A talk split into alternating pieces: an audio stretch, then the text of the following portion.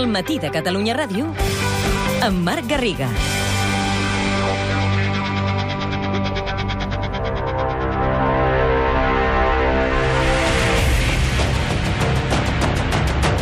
Trenta-cinc cops de fals. Modus vivendi.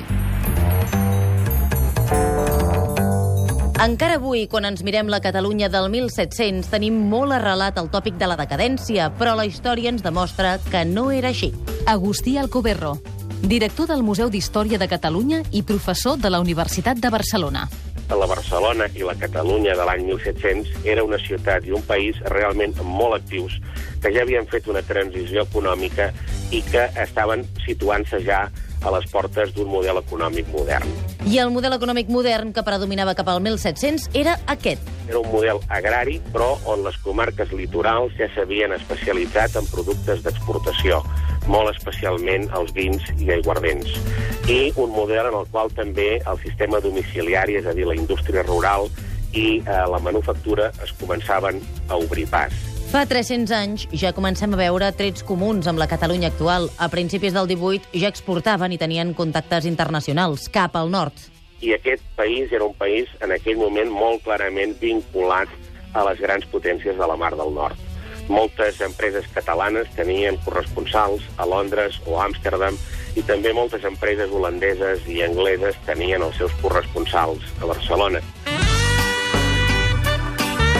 I els empresaris ja mostraven una intenció emprenedora i de progrés. Hi havia una visió per part d'aquesta burgesia litoral de Barcelona, de Mataró, de Reus o d'altres ciutats que s'emmirallava en el model dels països de la Mar del Nord.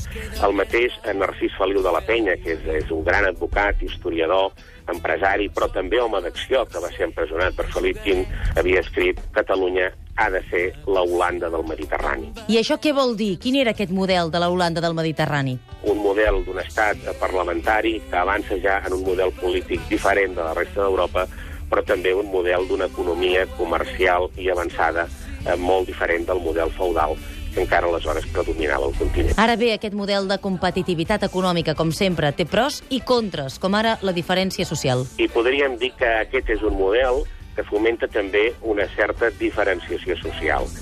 Tenim un sector d'artesans que avancen cap a empresaris i que molts d'ells acabaran liderant la indústria quan a començament del segle XIX s'inicia la revolució industrial, però també tenim sectors d'artesans que es van empobrint i proletaritzant i acabaran sent classe treballadora Això pel que fa a la indústria, però passa el mateix amb la pagesia. Tenim una pagesia benestant que s'està convertint en els que lideren les comunitats rurals en aquell moment, però alhora també tenim una mena de proletariat de pagès format per segadors, per jornalers, per masolers. En definitiva, és una societat que prospera sobre la base també de que es va fent cada vegada més desigual. català de les pedres en fem pa